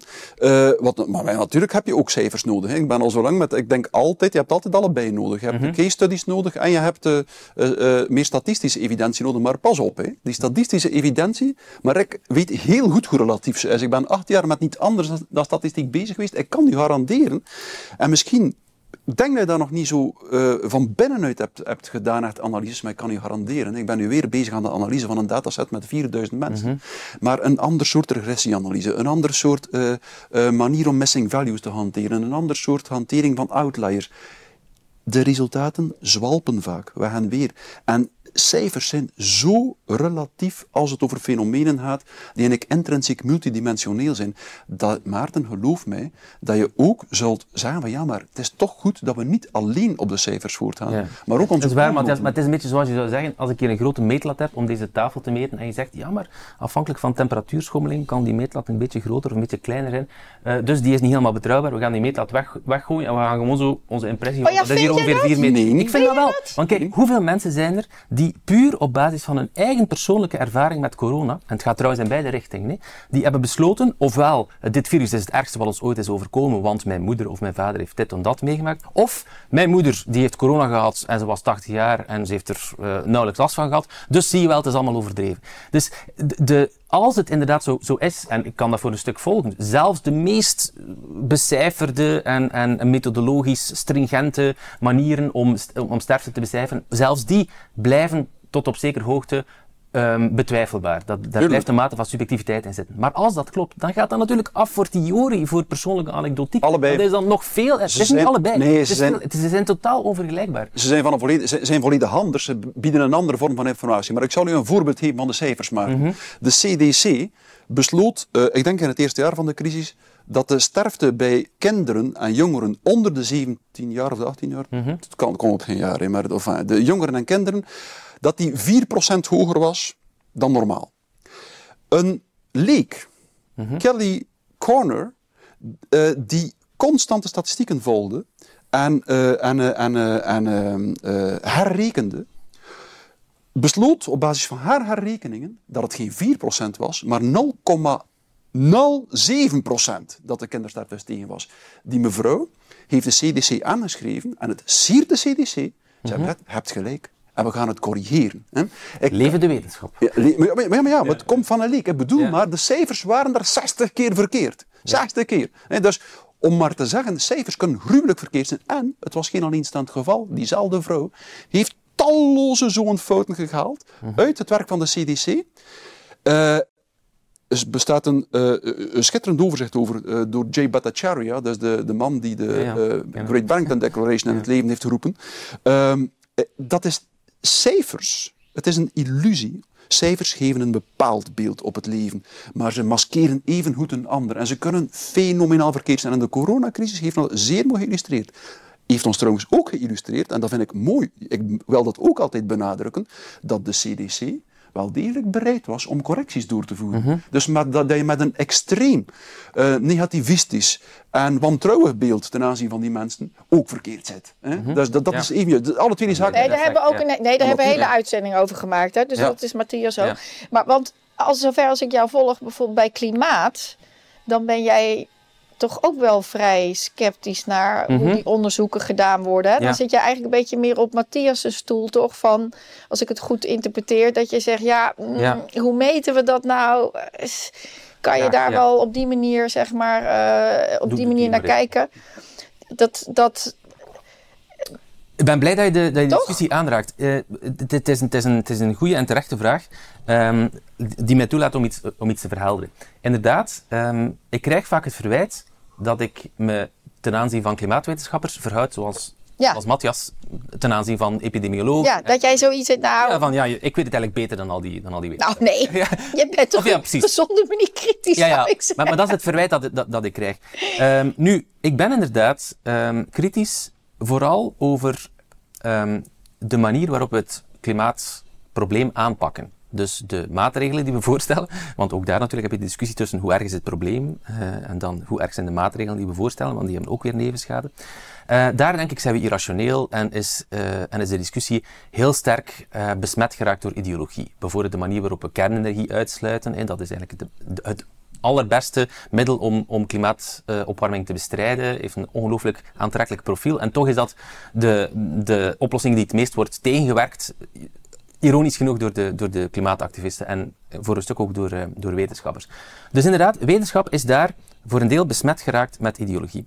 Maar, en hier trek ik dan de grens, wanneer het gaat om de diagnose van het probleem zelf, gewoon de luidere vaststelling van eh, de opwarming van de aarde en dan ben ik het met Matthias eens. Dat is een ingewikkelde kwestie. Hè? Want hoe, hoe ga je dat gaan meten over, over tientallen of honderden jaren en hoe dat zelfs in de geschiedenis gaan terugkijken en dan Ja, toen we CO2 nog niet gingen meten, ijskern, ja. toen we nog niet meer, allemaal indirecte schattingen. En, en daar zijn zoveel methodologische problemen mee. Dat is een heel complexe discussie.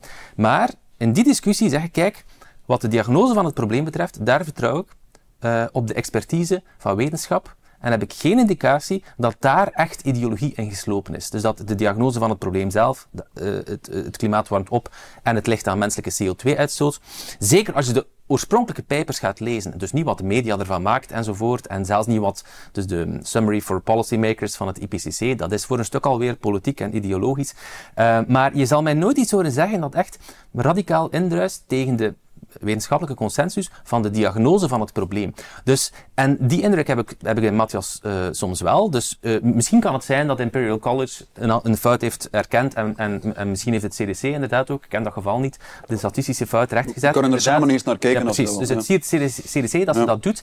Eh, maar, denk dat je dat toch wel zal, zal herkennen, Matthias, eh, het, het standpunt dat jij nu verkondigt, dus dat, ehm, dat de, mortaliteit sterk overschat wordt, dat ehm, de griep en corona, dat die op zijn minst vergelijkbaar zijn en dat het ene niet veel erger is dan het andere, dat is iets dat radicaal indruist, tot op vandaag, niet alleen twee jaar geleden, maar tot op vandaag, tegen wat ongeveer alle medische experts ons vertellen. En dan gaat het puur over de vaststelling van eh, wat is het probleem waarmee we te maken hebben en hoe erg is het? Nou, dat, dat zie ik al als dus de analogie met het klimaatprobleem.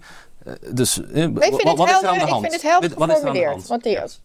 Ja, je moet natuurlijk opletten. Hè. Dus, uh, zeggen dat er wetenschappelijke consensus is nadat je alle wetenschappers van je lijst hebt geschrapt van wetenschappers die je niet mee eens zijn. Ja, dat is natuurlijk niet juist. Hè. Uh, er zijn veel wetenschappers denk ik, die het er niet mee eens zijn. Waarmee ik niet zeg. Ben je nu over klimaat bezig? Uh, klimaat minder, denk ik. Ik denk dat de consensus daar groter is. Maar dat is eigenlijk een ander onderwerp. Daar moeten we eigenlijk op zich eens over spreken. Nee, maar terug naar corona. Ja, want, ja, even corona, inderdaad. Naar... de, ik, ik, denk dat er in de coronacrisis wel een, een, een, een redelijk deel, en soms gezaghebbende namen, uh, echt uh, niet meegingen in het verhaal, maar de, me de meerderheid ging erin mee. dat is, ja, daar heeft altijd toch? Daarin heeft, daarin, daarin, daar heeft gelijk. Maar natuurlijk, je kan je nog afvragen, zit er daar een stilzwijgende meerderheid die zijn nek niet wil uitsteken, die het er niet mee eens is met het verhaal? Dat is een vraag die ik heb. Het mhm. kan zijn dat dat niet klopt, dat de overgrote deel echt meegaat in het verhaal, dat zou kunnen. Maar ik denk dat we toch echt voorzichtig moeten zijn met de, aan de wetenschappelijke consensus te veel gewicht toe te kennen. Hè. Ik denk dat, uh, eigenlijk is het een vorm, en jij kent dat uh, zeker uh, zo goed als ik, van het argumentum ad populum. Iedereen zegt het, dus moet het juist zijn. ik denk dat niet. Ik denk dat niet. Ik denk dat dat niet klopt. ik denk dat die consensus ook zeer rommelig en snel tot stand gekomen is, als hij er al was. Hm. Ehm, maar ik herinner me ook uh, gelegenheden, Maarten, waar jij radicaal inhing tegen de wetenschappelijke consensus. Nu ben ik benieuwd. En volgens mij terecht. Ik zal u een voorbeeld geven. Het is zelfs daarna dat ik u gecontacteerd heb. Op een bepaald moment heb jij een artikel geschreven dat je impliciete metingen in de psychologie uh, waardeloos of zo goed als waardeloos Impliciete associatie. Ja, ik vind dat ook. Ik zou het woord waardeloos niet gebruiken om een bepaald respect ten mhm. aanzien van de collega's te handhaven. Maar ik vind dat in grote mate ook. Maar dat is de consensus. En al lang niet meer hoor. Op ja, maar wel hoor. En de... mijn, mijn punt was op dat moment zelfs al niet meer origineel. Er waren toen al heel veel methodologische kritieken geweest. En op dat moment, denk ik, uh, hadden, hadden dus de, de, de, de, de, de, de meerderheid van de psychologen al door dat daar methodologisch echt iets aan schort. Waar je, wel een, hmm. waar je wel een punt hebt, kijk, ik ben bereid om zo ver mee te gaan. Uh, er is een periode geweest waarbij er een relatief brede consensus bestond inderdaad over die impliciete associatietest. En dat was voor een stuk puur ideologische besmetting, want het was een strijd tegen racisme en het was voor de goede zaak. En wie kon daar iets tegen enzovoort. Gelukkig is er zelf correctie geweest. En, um, is die recht geweest? Dat betwijfel ik echt door. Op, de, op, op dit moment denk ik, die zijn echt helemaal te veel uitweiden, want wij kunnen het niet nee, maar, het, is een interessante, het is een interessante kwestie wel, omdat dus het, het gaat om een test waarbij je uh, associeert tussen uh, negatieve en positieve woorden aan de ene kant en bijvoorbeeld zwarte en witte gezichten uh, aan de andere kant. En dus wanneer mensen makkelijker een zwart gezicht met een negatief woord associëren, dan zou dat een, dus een teken zijn van onbewust racisme. En die test, ja, daar zijn TED-talks over gegeven, miljoenen exemplaren van boeken van verkocht en achteraf bleek dat allemaal op drijfstand te berusten dus het correleert ook helemaal niet met racistisch gedrag. De interventies kloppen niet. Het is methodologisch van alles mee aan de hand. De test, hertest, betrouwbaarheid is bijna nul. Ja, maar het is natuurlijk ook zo, psychologie, met alle respect Matthias, is natuurlijk een veel minder harde wetenschap dan uh, geneeskunde of dan uh, klimaatwetenschap. nee, nee, nee, nee, dus ik ben er wel van overtuigd dat de, de, de ruimte voor ideologie en voor distorsie, dus voor verdraaiing van feiten enzovoort, dat die veel groter is bij iets als de menselijke geest, omdat die zoveel complexer is, zoveel subjectiever, dan bijvoorbeeld bij de studie van een, een, een natuurlijk um, verschijnsel als het klimaat, of zelfs gewoon doodgaan of niet doodgaan. De oversterfte bijvoorbeeld, de piek die we zagen van de oversterfte in 2020 bij de eerste golf en bij de tweede golf, ja, daar valt op zich niet mee te onderhandelen. Het verschil tussen leven en dood, dat is er redelijk hard, dus daar kan je op zich niet zoveel mee, mee gaan Nee, maar de eh, interpretatie ervan is wat anders. De interpretatie is wat anders. Waar, maar, er is een meer harde werkelijkheid, denk ik, dan in het geval van psychologie. Uh, beste heren, we zijn al ver over de tijd en ik wil toch nog heel graag vaccins even, dat, dat jullie daar even de... Ja jullie gedachten over laten gaan. En of jullie daar elkaar kunnen vinden of in zijn geheel niet. Ben je gevaccineerd, Matthias? Nee. Nee. Uh, heel en ik ben blij. En ik ben blij. Ja, ja. Uh, kijk, ik, ik ben een grote liefhebber van wetenschap. Ik vind mRNA-vaccins fantastisch. Die gaan trouwens ook malaria de wereld uit, uithelpen enzovoort. En nog veel andere zaken. Um, ik heb mij laten vaccineren al drie of vier keer. Um, Natuurlijk, en ik denk gelukkig maar en, uh, dat, dat we die vaccins hadden. Anders zouden al die maatregelen waar, waar Matthias zich voor een stuk terug, uh, uh, terecht druk over maakt, zouden we die nog altijd aan ons, aan ons been hebben. Um, dus ik denk dat we... Het mRNA-vaccin heeft ons gered. Dankbaar, heeft ons gered, uh, absoluut. Heeft ons gered niet alleen van het virus, maar ook van de maatregelen. Dus wat dat betreft is de voorspelling die Matthias heeft gemaakt in zijn boek, namelijk dat de vaccinatie helemaal niet het einde zou betekenen van die maatregelen, dat dat een opstap zou zijn voor een proces van totalisering, dat dat alleen maar erger zou worden, dan een andere aanleiding zou vinden, is helemaal gefaald. Maar... Ik denk zelfs dat het de tegenovergestelde waar is. Dus de COVID safety kits, de corona apps, de, de, verplichte mondmaskers, al die zaken zijn volledig verdwenen. Ah, ja? Ik denk zelfs, wacht, ik denk zelfs, als er een nieuw virus zou uitbreken, dat uh, we veel minder geneigd zullen zijn om terug te vallen op die maatregelen. Precies omdat de weerstand ertegen zo heftig was uh, dat de overheid en de politie het niet langer zullen durven. Maar dat is, los van de vraag nee. of dat een goede zaak is, exact het tegenovergestelde van wat je in je boek voorspelt. Nee, nee, nee, totalitaire samenleving. nou, we hebben hier dus toch nog een punt van discussie. Ja, dat, dat is dus, we leven niet in een totalitaire samenleving, maar we staan wel op punt om digitale munten, uh, uh, digitale paspoorten in te voeren, 15-minute cities te bouwen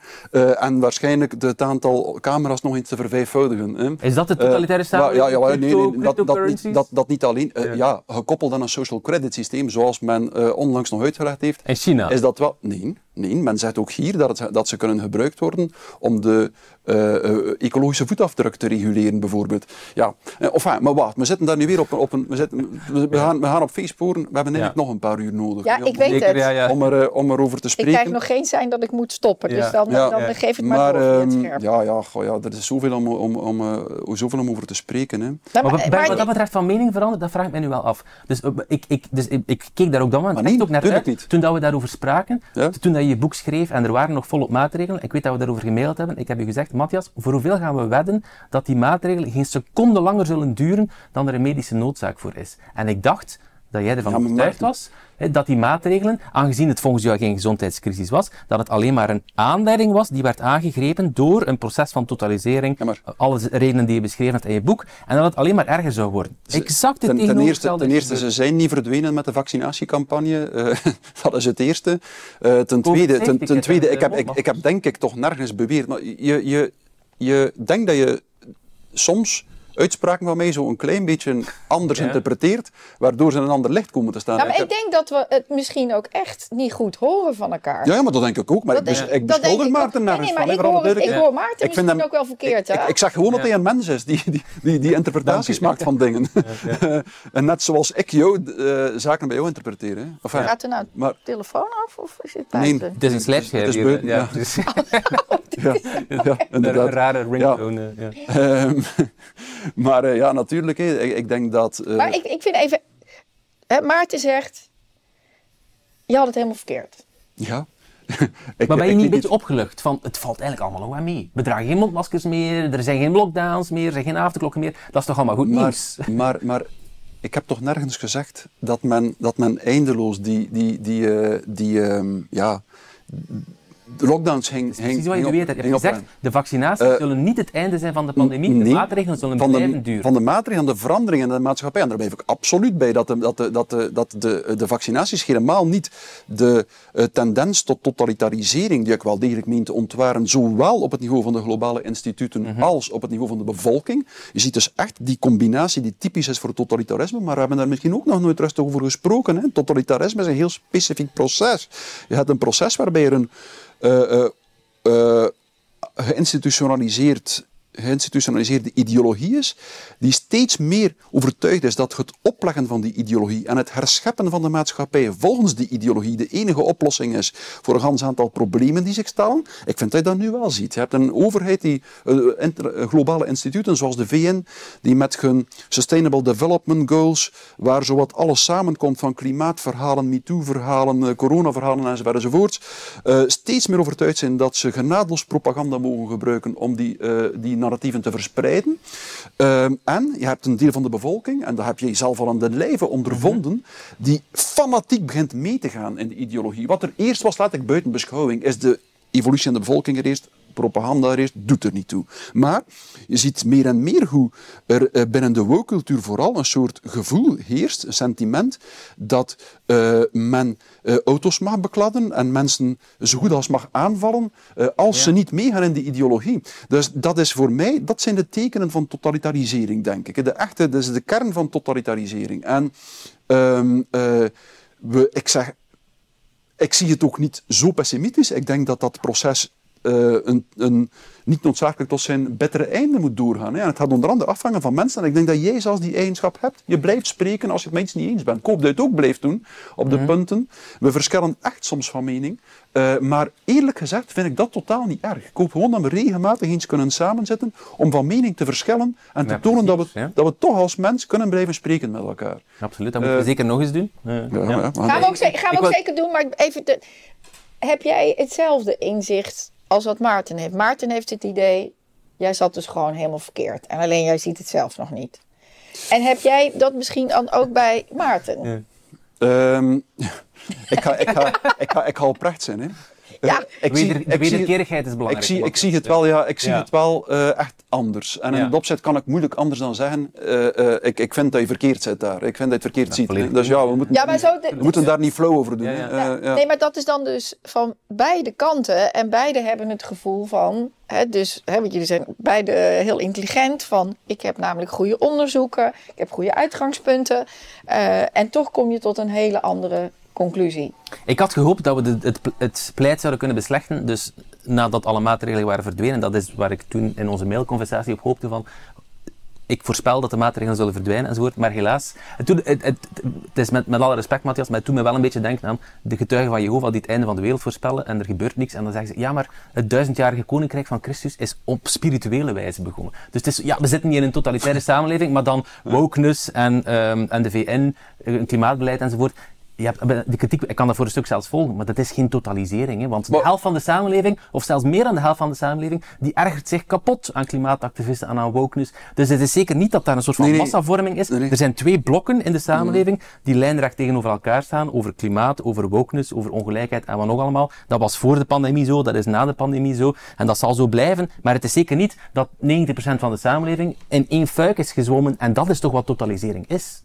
Nee, uh, bij een, een, totalitaire, een totalitaire samenleving is er maar 20 tot 30 procent getotalitariseerd. Dat is een klein deel, maar het punt is dat de mensen die niet meegaan geen organisatie vinden. En ze, ze, ze, ze worden platgewalst, uh, hoewel ze in de meerderheid zijn, door dat ene blok dat zeer uh, aaneengesloten is. Maar ik denk, ik zou op bijna elk woord wat je nu gezegd hebt opnieuw een stuk willen ingaan. Niet noodzakelijk om kritiek te geven hoor, maar bijvoorbeeld, ik denk dat het zeer goed zou zijn om uh, uitspraken waarin naar refereert van mij, uh, eens opnieuw te lezen, mij eens op te sturen en zeggen, mm -hmm. als ik verkeerd zat in Maarten, ik ga het direct toegeven. Ik, ik, ik, ik, ik, ik, ik, ik, ik vind het helemaal uh, geen vernedering van mezelf om een fout te moeten toegeven. Ik denk dat iedereen maakt fouten uh, in, in, in, in wat hij zegt. Er is een mooi spreekwoord.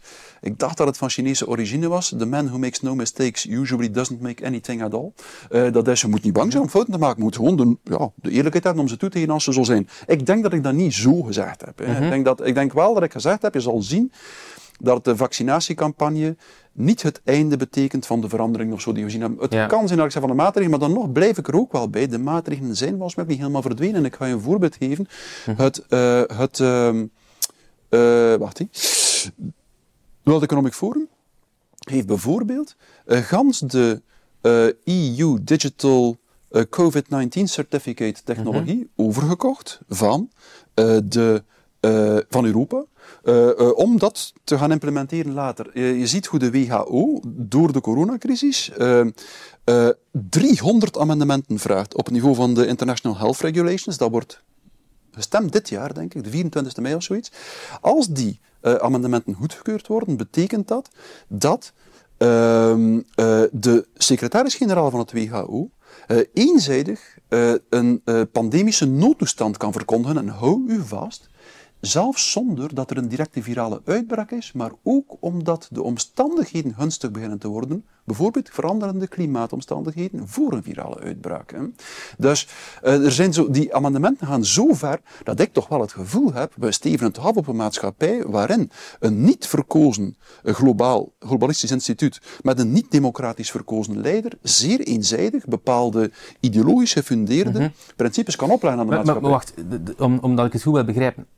In 2020 heeft de WHO toch ook een pandemie uitgeroepen, globaal. Dus wat, wat verandert er dan als de, als de secretaris-generaal van... Ja, er zijn, een aantal, er zijn een aantal veranderingen. Je moet daar eigenlijk, ik kan u het adres geven als je dat wil, van een uh, Zwitsers advocatenkantoor dat al lang mee bezig is. Er zijn een aantal echte veranderingen. Dus de maar wij hebben hier ook een uitzending over gemaakt. Het is, okay, is het een soort... Is het een soort, volgens een soort noodtoestand of is het nu echt in de wet verankerd?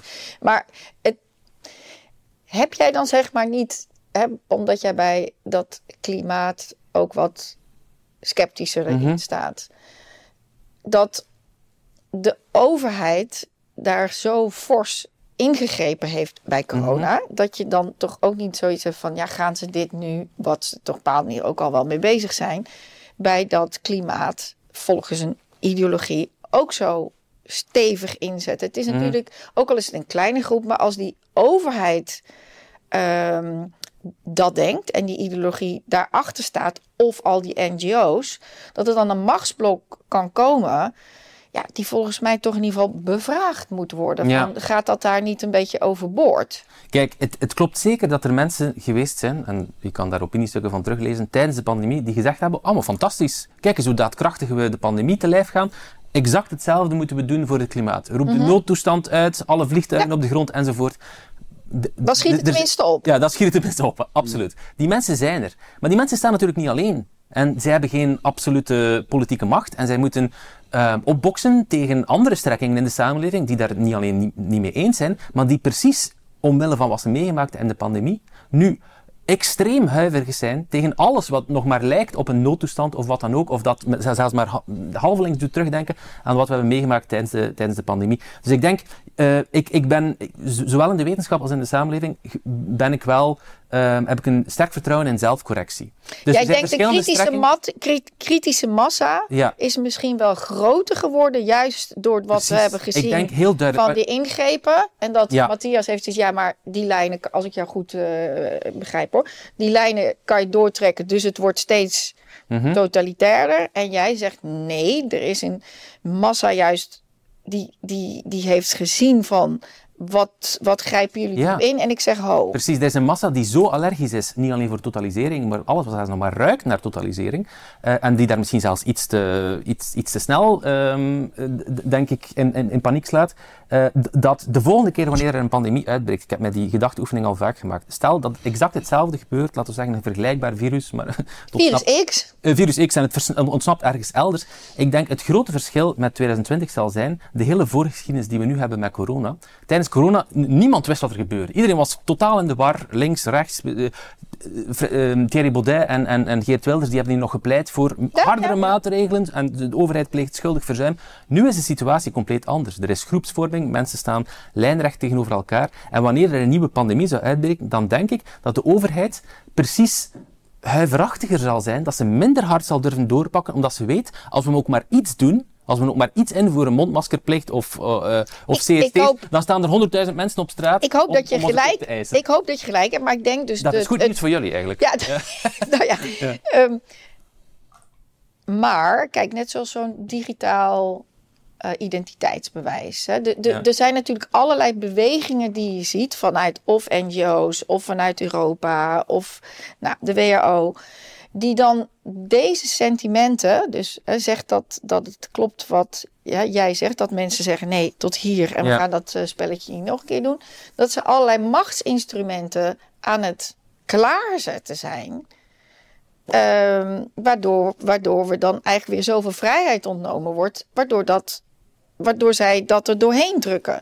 Maar jij iets hebt zoiets, dat gaat gewoon niet meer. Maar mag ik daar ook nog iets... Of ja, dus, nee, nee, doe maar. maar, maar ik, ik, denk ook wel, ik weet niet wat je, wat, wat je erover denkt, hè, Maarten, maar ik denk ook wel, ik zie dat ook wel, die machtsinstrumenten. Ik, ik kan u al desgewenst ook wel uh, uh, wat zaken tonen op de website van de VN uh, en, en op bijvoorbeeld een podcast met Melissa Fleming, de communicatiepersoon bij, de, bij de VN, die echt zeggen we moeten de strijd tegen fake news, noemen ze dat, op de sociale media enorm opvoeren.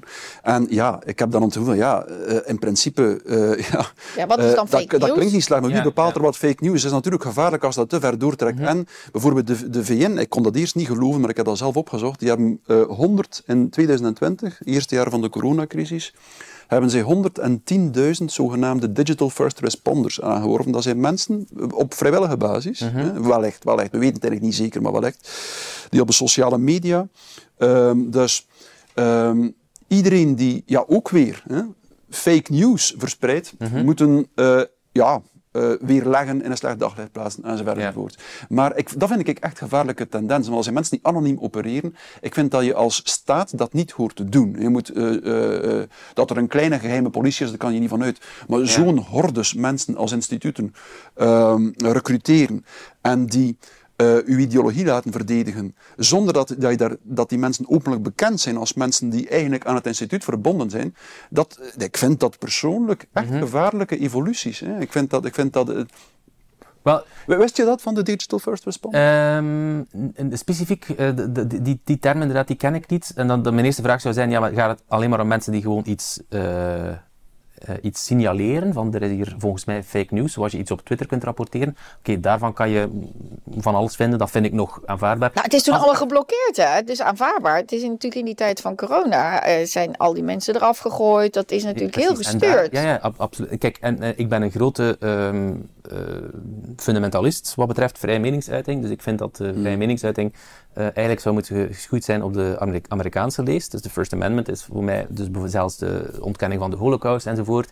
Antivaccinatie, uh, zaken die ik echt schadelijk vind, waarvan ik denk, er gaan echt mensen aan dood, volgens mij dan. He, dat als, je, als je mensen gaat wijsmaken dat vaccins gevaarlijk zijn, dan denk ik, dat is echt dodelijk. Maar toch vind ik, mensen moeten de vrijheid hebben om dat te kunnen verspreiden. En je moet gewoon de botsing van ideeën kunnen hebben en hopelijk elkaar kunnen overtuigen. Dus um, ik ben inderdaad ook um, voor een deel argwanend tegen campagnes vanuit de overheid onder het mom van de strijd tegen fake news en complottheorieën enzovoort, omdat dat ertoe kan leiden, bijvoorbeeld, ik zal nu zelf een voorbeeld van de pandemie uh, aanhalen, de hele uh, lab leak theory, dus mm -hmm. de, de, dat het virus zou ontsnapt zijn uit een labo.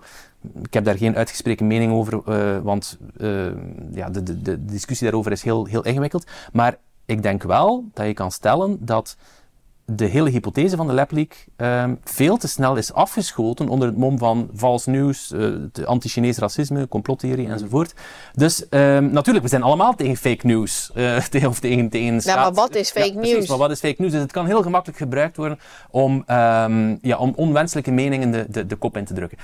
dus wat dat betreft, dat, dat, dat volg ik voor een stuk. En ik, ik, ik wil u tot zover volgen ook dat we daarin waakzaam moeten zijn. En mocht de VN nu echt aan machtsmisbruik gaan doen en uh, campagnes gaan voeren om bepaalde mensen gewoon ideologisch buiten spel te zetten en bijvoorbeeld van Twitter te verwijderen enzovoort. Ik was er ook helemaal geen voorstander van dat Donald Trump bijvoorbeeld zijn Twitter-account werd geschorst.